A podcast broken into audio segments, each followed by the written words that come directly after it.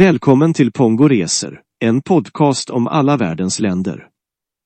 Jag är Pongo, din resevärd och idag ska jag berätta för dig om Albanien. Albanien är en republik i sydöstra Europa, belägen på Balkanhalvön och gränsar till Montenegro, Kosovo, Nordmakedonien och Grekland. Landet har en lång och rik historia som sträcker sig tillbaka till antiken och har genomgått många politiska, sociala och ekonomiska förändringar under årens lopp. Historiskt sett har Albanien varit bebott av olika folkgrupper, inklusive lyrerna, romarna, slaverna och turkarna. Landet förblev under osmanskt styre i nästan 500 år fram till 1912, då Albanien förklarade sig självständigt. Efter självständigheten upplevde Albanien en period av politisk instabilitet och ekonomisk underutveckling.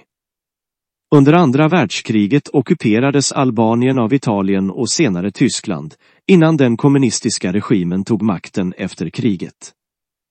Under det kommunistiska styret som varade fram till 1991 var Albanien en av de mest isolerade och slutna länderna i världen. Regeringen genomförde en omfattande jordreform och industrialisering, men landet förblev fattigt och underutvecklat, och politiska och mänskliga rättigheter kränktes systematiskt. Efter kommunistregimens fall genomgick Albanien en turbulent övergångsperiod med sociala, ekonomiska och politiska utmaningar.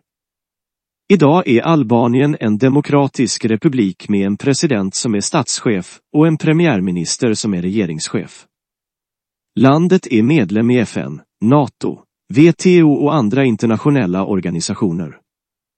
Albanien har också sökt medlemskap i EU och har gjort viktiga framsteg i att uppfylla de nödvändiga kraven.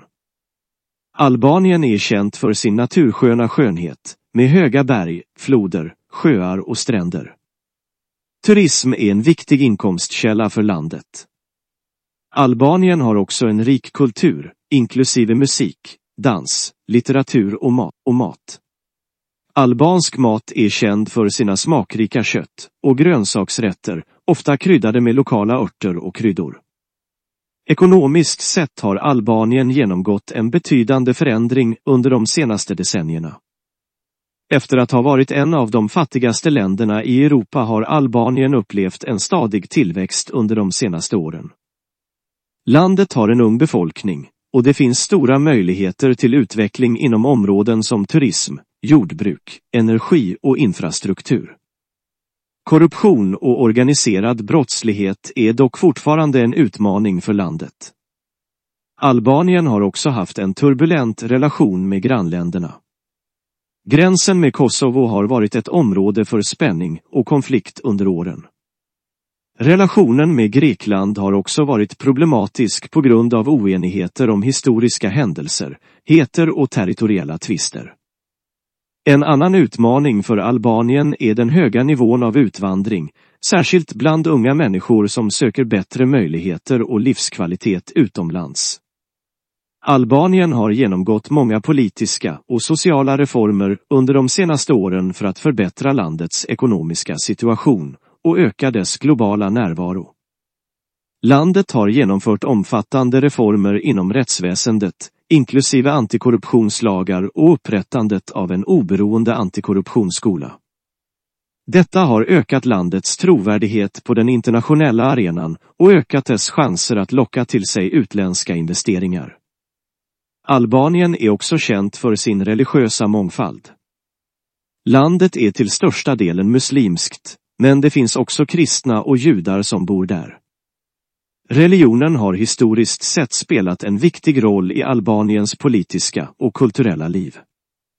Under det kommunistiska styret var dock religionen förbjuden och religionsutövare förföljdes. Efter kommunismens fall har religionsfrihet återinförts och landet har blivit mer tolerant mot olika trosuppfattningar. Sammanfattningsvis är Albanien en republik med en rik historia och kultur. Landet har genomgått många politiska, sociala och ekonomiska förändringar under åren, inklusive en period av kommunistiskt styre och en turbulent övergångsperiod.